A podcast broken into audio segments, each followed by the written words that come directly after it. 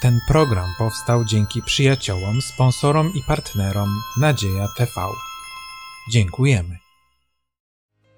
Witam Państwa serdecznie na kolejnym studium Słowa Bożego z Podkowy Leśnej ze zboru Kościoła Adwentystów Dnia Siódmego.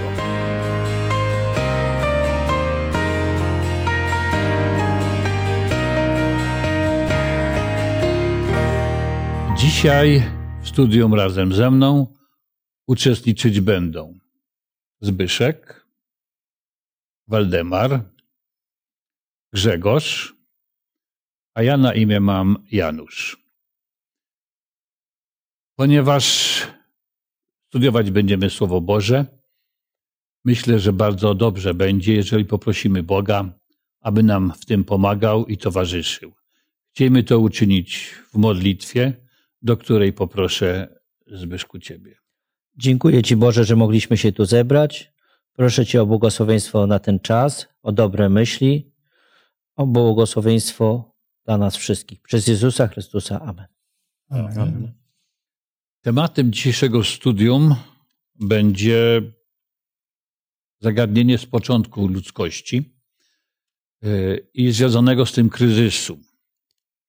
Jak mamy w Piśmie Świętym sprawozdanie o początkach ludzi, których umieścił Bóg w ogrodzie Eden, i wtedy również mamy tam sprawozdanie o tym, co się wydarzyło. Coś bardzo dramatycznego. Coś, co śmiało możemy nazwać kryzysem. I na ten temat chcemy właśnie dzisiaj porozmawiać.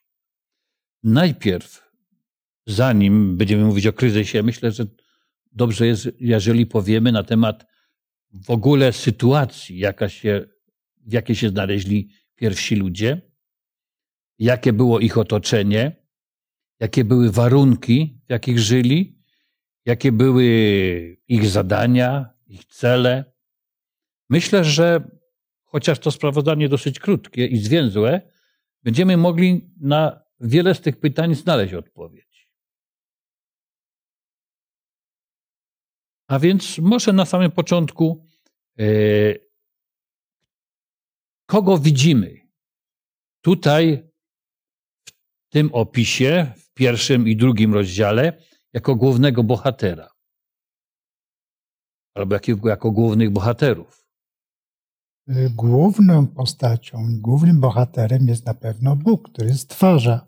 Mhm. Ale teraz, kiedy byśmy chcieli spojrzeć na to stworzenie, to dla mnie osobiście są trzy kwestie najważniejsze, które są związane wyjątkowo z błogosławieństwem. Każdego dnia Bóg stwarza coś, prawda, przez sześć dni, ale są trzy główne błogosławieństwa. Pierwsze błogosławieństwo, które jest, dotyczy zwierząt błogosławi, po stworzeniu zwierząt błogosławi im, aby się rozmnażali i tak dalej. Następnie e, stwarza ludzi i też błogosławi im i też mówi o tym, żeby się rozmnażali, napełniali ziemię i tak dalej. I trzecim błogosławieństwem jest sobota, szabat, a więc dzień siódmy, w którym e, e, mają odpocząć i mieć społeczność z Bogiem. Te trzy błogosławieństwa jak gdyby zwracają naszą uwagę na bardzo istotne elementy e, tego całego procesu stwarzania. Gdy rozważamy to, ten opis tworzenia, zauważa się w tym jakąś cykliczność. Oczywiście cykle to były na samym początku już dzień, prawda? Doba, który, która jest jakimś naturalnym cyklem, ale myślę o tym, że e, gdy Bóg stwarzał kolejne etapy kolejne e, rzeczy, kolejne istoty na, na Ziemi, to wszystko ma swój, swoje jakieś miejsce, swój zakres czynności, obowiązków. Czy zauważyliście tutaj jakiś, coś w tym szczególnego? No. Dla mnie takie, e, taka jest ciekawa tutaj myśl zawarta, że Pan Bóg ze swojej strony wszystko uczynił, żeby Adam i Ewa, którzy się w tym ogrodzie znaleźli, żeby mieli idealne warunki do, do życia. W ogóle tytuł lekcji kryzys w, nie, w kryzys w Edenie to dla mnie się kłóci. jak, jak mogło dojść do kryzysu, gdzie wszystko, Pan Bóg wszystko dobrze uczynił ze swojej strony i też ich właśnie pobłogosławił, a jednak e, doszło do, do czegoś, co e, tutaj mamy właśnie w lekcji. No i Mhm. teraz to właśnie odczuwamy. Ale myślę, że ten temat żeśmy już poruszali tydzień wcześniej, bo mówiliśmy o tym, że kryzys, pierwszy kryzys nastąpił nie na ziemi, nie w Edenie, ale w jeszcze wspanialszym miejscu, w niebie, tam gdzie tron Boży. Więc zupełnie coś, coś niepowtarzalnie chyba doskonalszego i piękniejszego. Zgodzicie się z takim twierdzeniem? No oczywiście, bo jeż, jeżeli, jeżeli ustanawia określone prawo, to prawo skupia się na drzewie. Są dwa bardzo ważne drzewa. E, W Edenie jedno z nich to jest drzewo poznania dobra i zła, e, którego, z którego e, owoców spożywać nie wolno. No i jednak staje się w pewnym momencie pokusą dla Ewy. Więc jest kryzys. Kryzys następuje, bo mogło zdarzyć się zupełnie inaczej. Mogło być tak, że Ewa nie posłuchałaby kusiciela szatana, ale jednak posłuchała. No więc jest to sytuacja kryzysowa. Tak, a ja bym chciał jeszcze, zanim dojdziemy już do samego mm, sedna tego kryzysu, pomówić troszkę o tym, jak to wyglądało, jak to sobie wyobrażamy. Czy potraficie sobie wyobrazić coś tak wspaniałego, jak było wtedy w ogrodzie e, Edenie i w ogóle chyba na całej ziemi, kiedy, e, przeczytajmy tutaj tekst, na przykład mm, 29 pierwszego rozdziału. Nie, nie, ja chcę najpierw przeczytać wiersz 30. O, Ja tak. przeczytam. Wszystkim zaś dzikim zwierzętom i wszelkiemu ptactwu niebios i wszelkim płazom na ziemi, których jest tchnienie życia, daje na, na pokarm wszystkie rośliny i tak się stało. Y, Dla mnie to jest y, taka krótka, zwięzła informacja, ale już świadczy o czym, bo ja się zastanawiam, nie wiem, czy się wy zastanawiali kiedyś nad tym. Y, Wiemy, że człowiek stworzony był doskonały, wszystko było stworzone doskonałe i myślę, jako takie było nieśmiertelne. No Czy tak. zwierzęta były śmiertelne? Czy istniało takie pojęcie? No w tym momencie nie, Pewnie rzeczywiście. nie, prawda? Natomiast bardzo często, nie wiem czy się spotkaliście takim, takim czymś, takim pojęciem, że rośliny żyją. Ja myślę, że Pismo Święte nie odnosi się do roślin jako mających duszę. Bo No. o zwierzętach mówi, że posiadają duszę, mówi się, że we krwi jest życie. Więc ludzie i zwierzęta, owszem, ale rośliny nie. Zresztą działanie y, roślin jest bardziej oparte na chemii, prawda? Bo rośliny miały służyć jako pokarm, a więc były Dokładnie. jakby w tym momencie zabijane, prawda? Gdybyśmy tak założyli. No, kochani, to są, to są dywa- dywagacje, prawda? Dość mocno posunięte. To Ja myślę, tak. dlatego, wiecie, o, o co mi chodzi? Mi chodzi o to, że ja chcę dowiedzieć się, jak to było w ogrodzie Edynie. Ale myślę, że tutaj się tego nie dowiem. Ani nigdzie indziej na tym świecie. Ale dla mnie to ciekawi i ja takie pytania będę chciał zadawać kiedyś Bogu, jak się z nim spotkam. Znaczy we mnie e, e, taka ciekawość kiełkuje, tylko ja wiem, że e, my jako ludzie mamy taką cząstkową wiedzę i cząstkową wiarę, mamy wszystko cząstkowe. I wiemy, ja wiem, że chociaż mnie ciekawią, ciekawi mnie wiele rzeczy, wiem, że tu jest dosyć tak skąpo napisane na temat tego, jak to było, ale mam nadzieję, że się dowiem właśnie w niebie, No tak, oczywiście. jak to, jak to było. Bo to tylko kiełkuje, ale ja wcale, pytań, ale mało właśnie odpowiedzi. Tak, wcale nie łudzę się, że tu dostanę wiadomość na ziemi, póki jesteśmy w, naszych. Chociaż powiedzmy, dużo więcej może rozumiemy dzisiaj niż tysiąc lat temu, czy dwa tysiące ludzie. Ale mimo wszystko to jesteśmy, stoimy zawsze przed jakąś barierą. Im dalej sięgamy, to się okazuje, że jeszcze mniej wiemy, bo co się okazuje, jak to jest złożone zagadnienie i jak bardzo, bardzo wielkie, szerokie. Często jest tak, że kontekst, który mamy z dzisiejszej perspektywy, całkowicie nam zaciemnia to patrzenie na Eden, dlatego że e, z naszej perspektywy podług naszych wiedzy możemy to określać, ale to może całkowicie inaczej wyglądało niż nam się wydaje. No ja bym może tutaj nie przeszadzał z tą wyobraźnią. Z całą pewnością wszystko było piękne i doskonałe.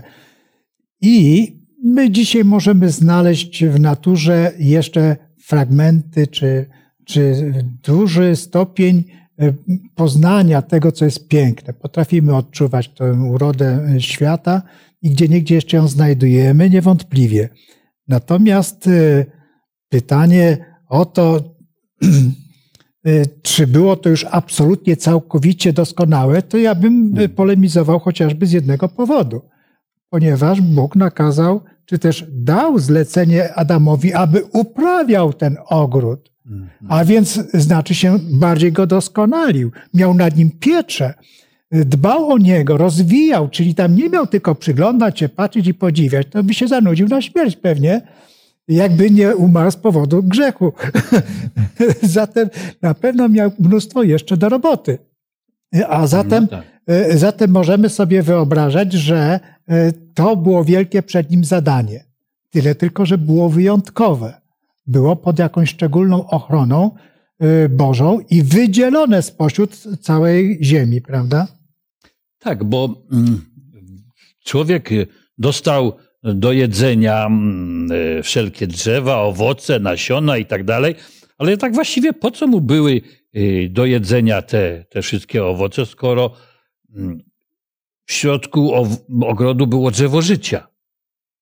Wystarczyło tylko zjeść owoc z drzewa życia i, i po co się, się trudzić jedzeniem, prawda? Wiesz co, to jest dosyć dziwne, nie na miejsce pytanie, szczególnie po świętach, których żeśmy przeżyli. A po co te święta są, jak nie po to, żeby dać radość swojemu podniebieniu? Tak, to, to, to, ale to jest. To jest przyjemność. To jest jedzenie. właśnie to, że, że Bóg uczynił nie człowieka tylko jaką, jakąś machiną, która ma jakieś cele wykonywać, ale po to, żeby, żeby miał przyjemność.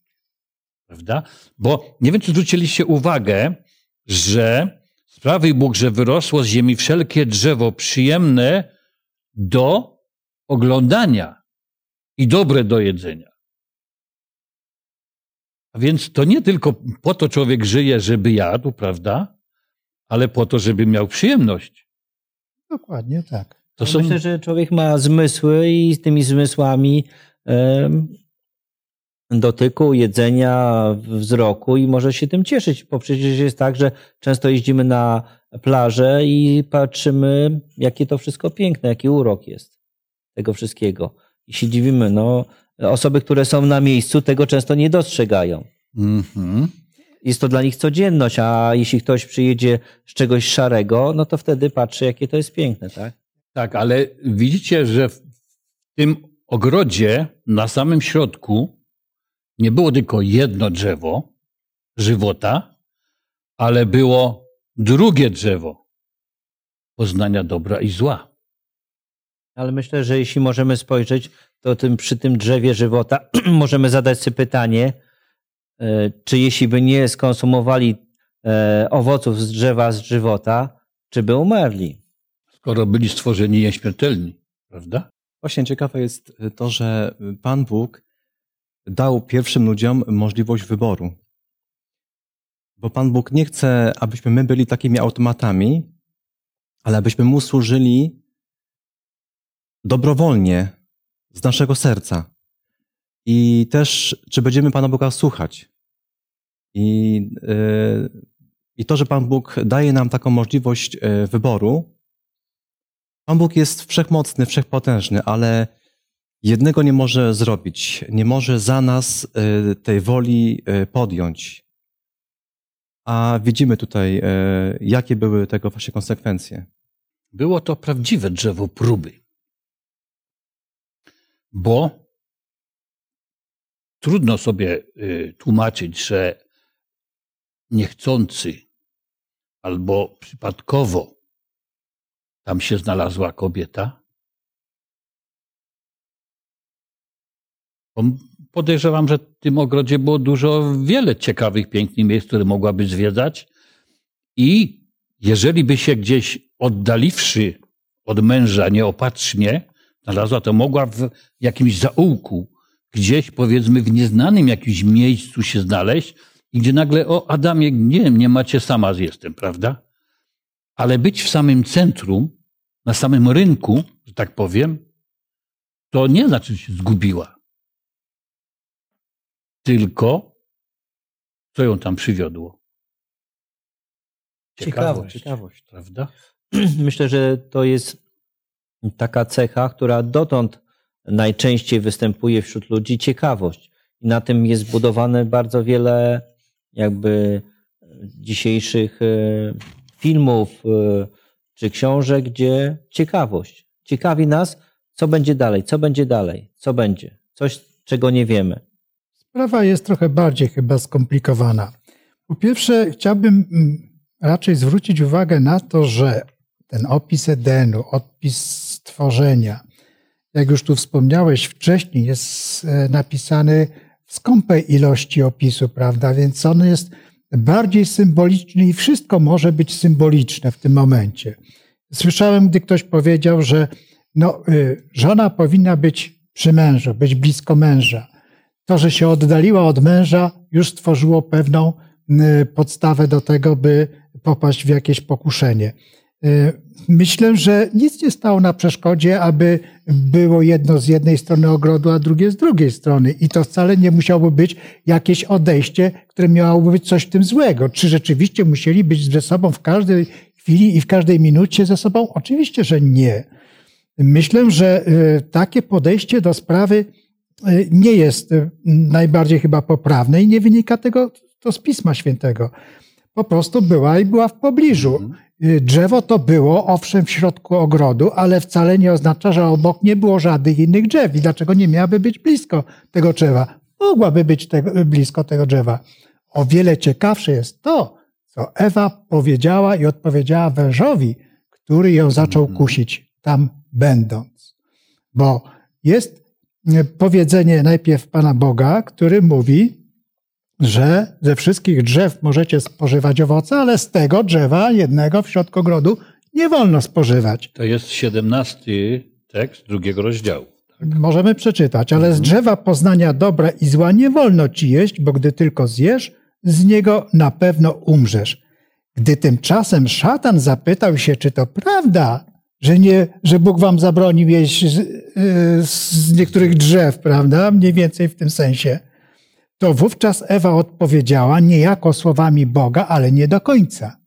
Okazało się, że dodała od siebie interpretację, której nie było u Boga. I to jest bardzo ciekawe i zastanawiające. Może ktoś przeczyta ten fragment? To znaczy trzeci wiersz trzeciego rozdziału, tak? Tylko owocu drzewa, który jest w środku ogrodu, rzekł Bóg, nie wolno wam z niego jeść, ani go dotykać, abyście nie umarli. No właśnie. Ona od siebie dodała tutaj, ani się go dotykać. Ale wcale nieprawda. Bóg nie powiedział, że się ma nie dotykać. Jeżeli więc wąż był na tym drzewie i dotykał się tych owoców, nic się z nim nie działo i nie umierał, to mogło się stać zastanawiające dla niej. No, w ogóle zastanawiające było to, że wąż nagle przemawia ludzkim głosem. Nie wiem, czy to było takie normalne. Być może mogło to być efektem tego właśnie, że on się dotyka tych owoców albo je spożywa tam w międzyczasie. Może to było dowód jakby na tę wspaniałość tych owoców. No cóż, zdziwienia u kobiety nie widzimy z tego powodu, że wąż do niej przemówił. No przynajmniej nam Tutaj Waldemar. Waldemar mówił wcześniej, że e, jakby nie było jedności między mężem a żoną, a jednak tutaj z tego tekstu widzimy, że była duża bliskość i zaufanie tak. między mężem a żoną, dlatego że żona dała jabłko Adamowi i on Y, skonsumował. To znaczy, tak. że ta więź musiała być bardzo bliska. Ja nawet myślę, że ponieważ Adam miał do wykonania jakąś pilną pracę tam w tym wschodnim końcu ogrodu, powiedział: Ewo, ty pozostań tu w samym środku, tu się nie zgubisz, bo tu jest bardzo znane miejsce, gdzieśmy już tyle razy byli, i ja tu do ciebie wrócę za chwilę. Tu jesteś najbezpieczniejsza. Myślę, że y, o wiele ważniejsze jest to, że doszło do tego, do tej rozmowy przy tym drzewie. Mhm. Ta jest zastanawiająca jest ta po pierwsze interpretacja słów Bożych przez Ewę. Ale z drugiej strony popatrzmy, że Bóg stworzył Adama i Ewę na swoje podobieństwo. Czyli na nieograniczoną y, y, wrażliwość i chęć zaspokajania swojej wiedzy. Jeżeli mielibyśmy żyć wiecznie, oni mieli żyć wiecznie i my się spodziewamy żyć wiecznie, to przecież wciąż będą powstawać pytania, na które będziemy szukać odpowiedzi.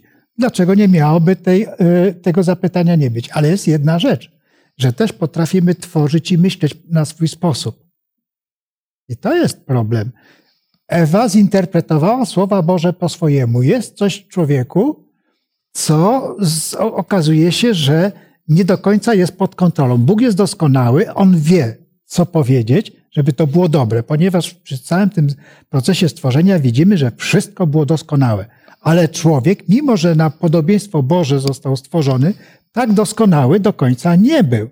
Ale z drugiej strony pamiętajmy, ja już to kiedyś gdzieś powiedziałem, że gdyby Bóg był już jakby skończony w swojej doskonałości i my moglibyśmy poprzez ileś tam eonów, wieków dojść do takiej doskonałości też mądrości, to nagle by się okazało, że Bóg nie mógłby nam zapewnić e, dalszego rozwoju. Więc Bóg w tak. nieskończoność jest dobry, ale my jesteśmy skończeni i mało tego uzależnieni od Boga. Już tu widzimy, że ten przykład, że Bóg postawił to drzewo jako prawo zmuszające do posłuszeństwa, jest pewnym elementem, który każe człowiekowi zdać sobie sprawę, że jest zależny od Boga. Ponieważ on sam siebie do końca nie będzie kontrolował. Tak jak tutaj Ewa pozwoliła sobie na to, żeby włożyć w usta Boże jakby inną interpretację niż tego, co Ale powiedział. e, przepraszam, jeśli tak byśmy myśleli i rozumieli, to byśmy uważali, że ona w tym momencie zmanipulowała słowa Boga, więc zgrzeszyła. A jeśli wiemy, ona jeszcze była bezgrzeszna, więc tutaj nie możemy interpretować, że ona manipuluje słowami Ja Boga, tak nie mówię. E, ale tak wychodzi z kontekstu, że manipuluje słowami Boga. Jeśli coś dokładamy, to znaczy, że manipulujemy. Tak samo jak, sza, jak szatan na drzewie dodał jakieś słowa, zmanipulował wypowiedź Boga. Tak samo tutaj twierdzisz, że Ewa zaczęła manipulować, a jeszcze była przez grzechem. Więc to co, zgrzeszyła za że po swojemu zinterpretowała słowa Boże, a wzięło się to z jej wolnego wyboru i jej wolnej myśli. Bo jest stworzona na y, Boże podobieństwo. Czy Boga ktoś ogranicza czymś? No nie ogranicza. Tak samo i człowiek nie jest ograniczony. I ona mogła to sobie pomyśleć, ale mogła się zreflektować i powiedzieć, przepraszam, czy na pewno tak Bóg powiedział? Ale myślę, że to jest jeszcze inny symptom tego, że ze złem nie ma co dyskutować. Chyba... Bo jak zaczniemy dyskutować z szatanem, to on jest jednak mimo wszystko sprytniejszy od nas, prawda? On jest znakomity w tym. I, I my mamy taki przykład z Jezusa na przykład. Dyskutował z szatanem? Jak mu tam też różne perspektywy po- podawał różne propozycje. Mówił, że tak jest napisane. Napisano, koniec, nie ma. Powiedział Pan Bóg, nie będziecie jeść i koniec. Takie miała być odpowiedź Ewy. A ty co tu robisz? Nie będę z tobą rozmawiała w ogóle. Zaczęła rozmawiać, zaczęła się ciekawić. No i już, Myślę, i już w tym momencie. Najciekawsze w poszła. tym wszystkim jest, że e, wąż nie używa kłamstwa. On używa e, najbardziej perfidnej formy półprawd. Tak. Nie, do powiedzenia. Nie do powiedzenia półprawd. To jest najbardziej perfidne i najbardziej wyrafinowane. Bo kłamstwo my bardzo łatwo wyłapujemy, bardzo łatwo mm, e, patrzymy, jest tu kłamstwo, aha, to kłamiesz, to jest proste. Ale jak ktoś nam powie półprawdy, ćwierć prawdy, to jest najbardziej przewrotne. I to myślę, że. Może, być może Ewa pogubiła się i stąd może ta jej interpretacja. Tak, tak. Myślę, że to jest największa sztuka szatana. Ale co było i jak było, to było. Natomiast widzimy wyraźnie, mamy przedstawione efekty tego, co było. Yy, Bo wydawało się taki, taki drobiazg, tylko jedno, jeden owoc jakiś tam, ale od razu zaczyna się strach. Zaczyna się wstyd. Zaczyna się oskarżanie. To są rzeczy, które nie wiadomo skąd nagle się do, od razu wzięły wśród tych wspaniałych, doskonałych stworzeń. Jak jest napisane, że otworzyły im się oczy. Aha. I w tym momencie zobaczyli, e, że to, co oni uczynili, to nieposłuszeństwo względem Boga, prowadziło e, potworne nieszczęścia. Akurat to dopiero był początek tych wszystkich nieszczęść, ale sam fakt, że oni doświadczyli tego, na pewno e, wzbudziło w nich taką refleksję nad, nad, nad tym, żeby Panu Bogu być posłusznym i słuchać Jego, Jego woli. Czyli dokładnie spełniło się to, co obiecywał szatan. Bo w piątym wierszu czytamy, lecz Bóg wie, że gdy tylko zjecie z niego, otworzą się wam oczy. I będziecie jak Bóg, znający dobro i zło. No, na tym już wcześniej powiedzieliśmy, że polega działanie szatana, że miesza prawdę, z kłamstwem. A więc rzeczywiście otworzyły się oczy i poznali zło. E, Chociaż tutaj e, bardzo trudno jest wyobrazić sobie, na czym polegała ta kwestia. E, W trzecim rozdziale, siódmym wersecie czytamy: Wtedy otworzyły się oczy obojgu i poznali, że są nadzy. Pletli więc liście figowe i zrobili sobie przepaski. I potem w wierszu ósmym czytamy, a gdy usłyszeli szelest Pana Boga, przechadzającego się po ogrodzie, w powiewie dziennym skrył się Adam z żoną swoją przed Panem Bogiem wśród drzew ogrodu. Dlaczego się skryli? Przestraszyli się. Strach. Po raz pierwszy poczuli strach. Poczucie winy. I, i, I następnie ten wstyd. I teraz pytanie, więc jak to? Byli ze sobą razem, nie widzieli, że są nadzy? Co w tej nagości było przedtem dobrego, a teraz Tak. złego? Myślę, że możemy popatrzeć na to z takiej perspektywy, że e, dotąd mieli wszystko, byli, mieli wszystko, co potrzeba. I w tym pewnym momencie otworzyły się oczy i patrzą, aha, tego nam brakuje, tego nam brakuje, e, relacji z Bogiem nam brakuje, e, powinien, nie, może być nam zimno, może być inaczej. Zaczyna im czegoś brakować, prawda? Jest jeszcze coś, co chciałbym może zwrócić przy tej sytuacji uwagę. Otóż y, w innym miejscu Pisma Świętego jest napisane, że jeżeli ktoś nie zna prawa, to ma to prawo wpisane w jego umysł. Jest to sumienie. Nawet ci, którzy nie znają prawa, potrafią rozróżnić dobro od zła. Ale dopiero poznają to zło w momencie, kiedy je dokonują. I tak jest u wielu ludzi. Możemy to obserwować u małych dzieci, kiedy wychowujemy. Dzieci czasem nie wiedzą, że zło, ale w pewnym momencie możemy zobaczyć, że niektóre ich zachowania są, gdzie ich świadomość e, odkrywa, że popełnili zło i kryją się z tym i chowają się. A więc jest gdzieś w sumieniu zapisane to.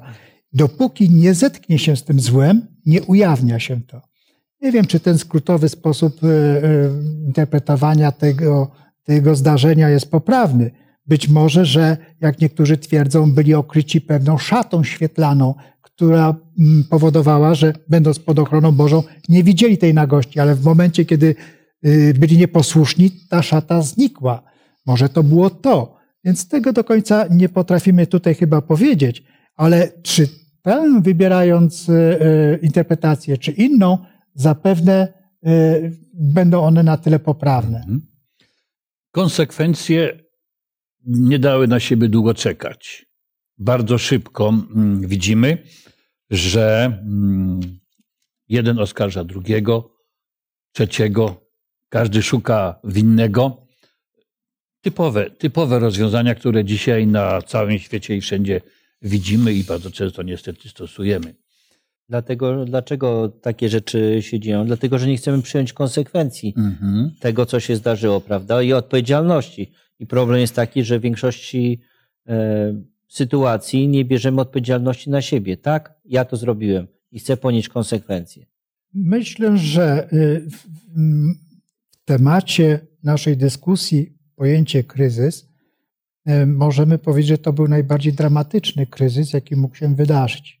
On zapoczątkował upadek nie tylko ludzi, bo my jesteśmy cały czas narodem upadającym, ludem upadającym, ale cały świat. Proszę zwrócić uwagę, że nic nie uratuje tego świata. Dzisiaj naukowcy wyraźnie mówią, nie ma już fizycznie możliwości odwrócenia tego trendu y, niszczenia Ziemi. Ona będzie bardziej, coraz bardziej ulegała zniszczeniu. Mało tego człowiek również jest coraz bardziej zły Mhm. Sobie. Bo nie wiem, czy pamiętacie, w 17 wierszu drugiego rozdziału y, było powiedziane przez Boga, ale z drzewa poznania dobra i zła nie wolno ci jeść, bo gdy tylko zjesz z niego, na pewno umrzesz. Pojawia się nowy, wspaniały obszar poznawania. No, to jest właśnie to, co obiecuje szatan, prawda? Otworzą się wam oczy i poznacie to wszystko. No nie jest to zbyt wspaniały obszar. No niestety. No tak, prawda? ale myślę, że dla Adama i Ewy śmierć było pojęciem abstrakcyjnym. Oni nie widzieli śmierci. No. Nie zdarzyło się e, śmierć jako taka. Więc e, jeśli rozważamy coś, co jest abstrakcyjne, trudno jest powiedzieć, że to jest niefajne. Tak samo jak dzieciom mówimy, nie rób tego, a dla niego to jest abstrakcja, prawda? Ja bym chciał jeszcze mimo tych konsekwencji, które ponieśli Adam i Ewa, e, też jest, My też? my też oczywiście, e, taką super nadzieją jest dla nas to, że, że Pan Bóg e, zaraz po upadku e, dał nam nadzieję zbawienia. Dał pierwszym ludziom nadzieję zbawienia. I Pan Bóg wychodzi naprzeciw temu, co się stało i ratuje nas z tej okoliczności, w której się znaleźliśmy, w której się Mhm. znalazła Ewa i Adam, jak również i my. Przez, tą, przez to wszystko. No, bo konsekwencją miało być w tym dniu śmierć człowieka, prawda? Tu się okazuje właśnie łaska Boża, że mu ten dzień trochę wydłużył. I od razu pokazuje mu wyjście, którędy z tego kryzysu możesz człowieku wyjść. Jaki sposób się może z tego uratować? Nie zostawił go, no bo de facto wyglądało wszystko na to, na to, że powinien Bóg powiedzieć: koniec, zgrzeszyliście, wszystko przepadło. Umieracie, mm, ogród Eden y, razem z wami zarośnie, zdziczeje, wszystko będzie, wszystko nadaremno i koniec. Ja myślę, po reakcji, patrząc po reakcji, natychmiastowej reakcji Boga i po tym, co się dalej później dzieje, że e, to była tylko kwestia czasu. Bóg miał świadomość tego, co się stanie. No bo wyobraźmy sobie, że Adam i Ewa by nie zgrzeszyli. Ale jaką mamy pewność, że nie zgrzeszyłyby ich dzieci? Albo dzieci tych dzieci, Tak. prawda? Więc kiedyś pewnie musiało to być. Bóg był przygotowany na to. Z drugiej strony, gdyby nie było programu naprawczego tej sytuacji, Bóg by nie stworzył Adama i Ewy ani tej ziemi. Bo po, widzimy cały czas, przez całą historię spisaną przez Pismo Święte, y, że Bóg chce jednak za wszelką cenę tych ludzi uratować. Ale Bóg nie kończy dzieła na chceniu, tylko na konsekwentnym wykonaniu.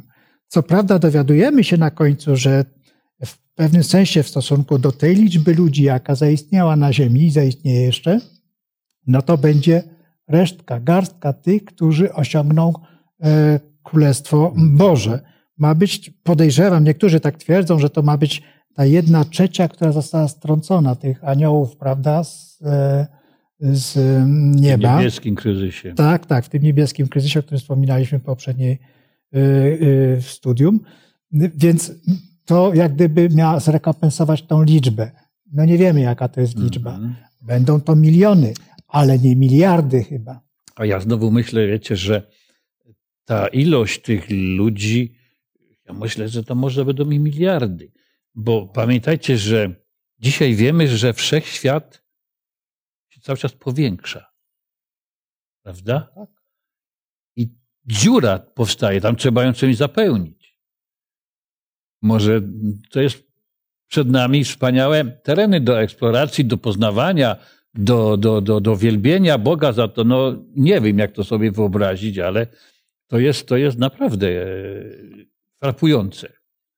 I jaki, o jakich byśmy tu ilościach mówili, my, w ogóle dla nas pojęcie e, nieskończoności jest e, abstrakcyjne, prawda? Tak samo i dla, do, do czasu, jak, jak do powierzchni, do objętości. No to jest coś, coś, coś, coś niezrozumiałego.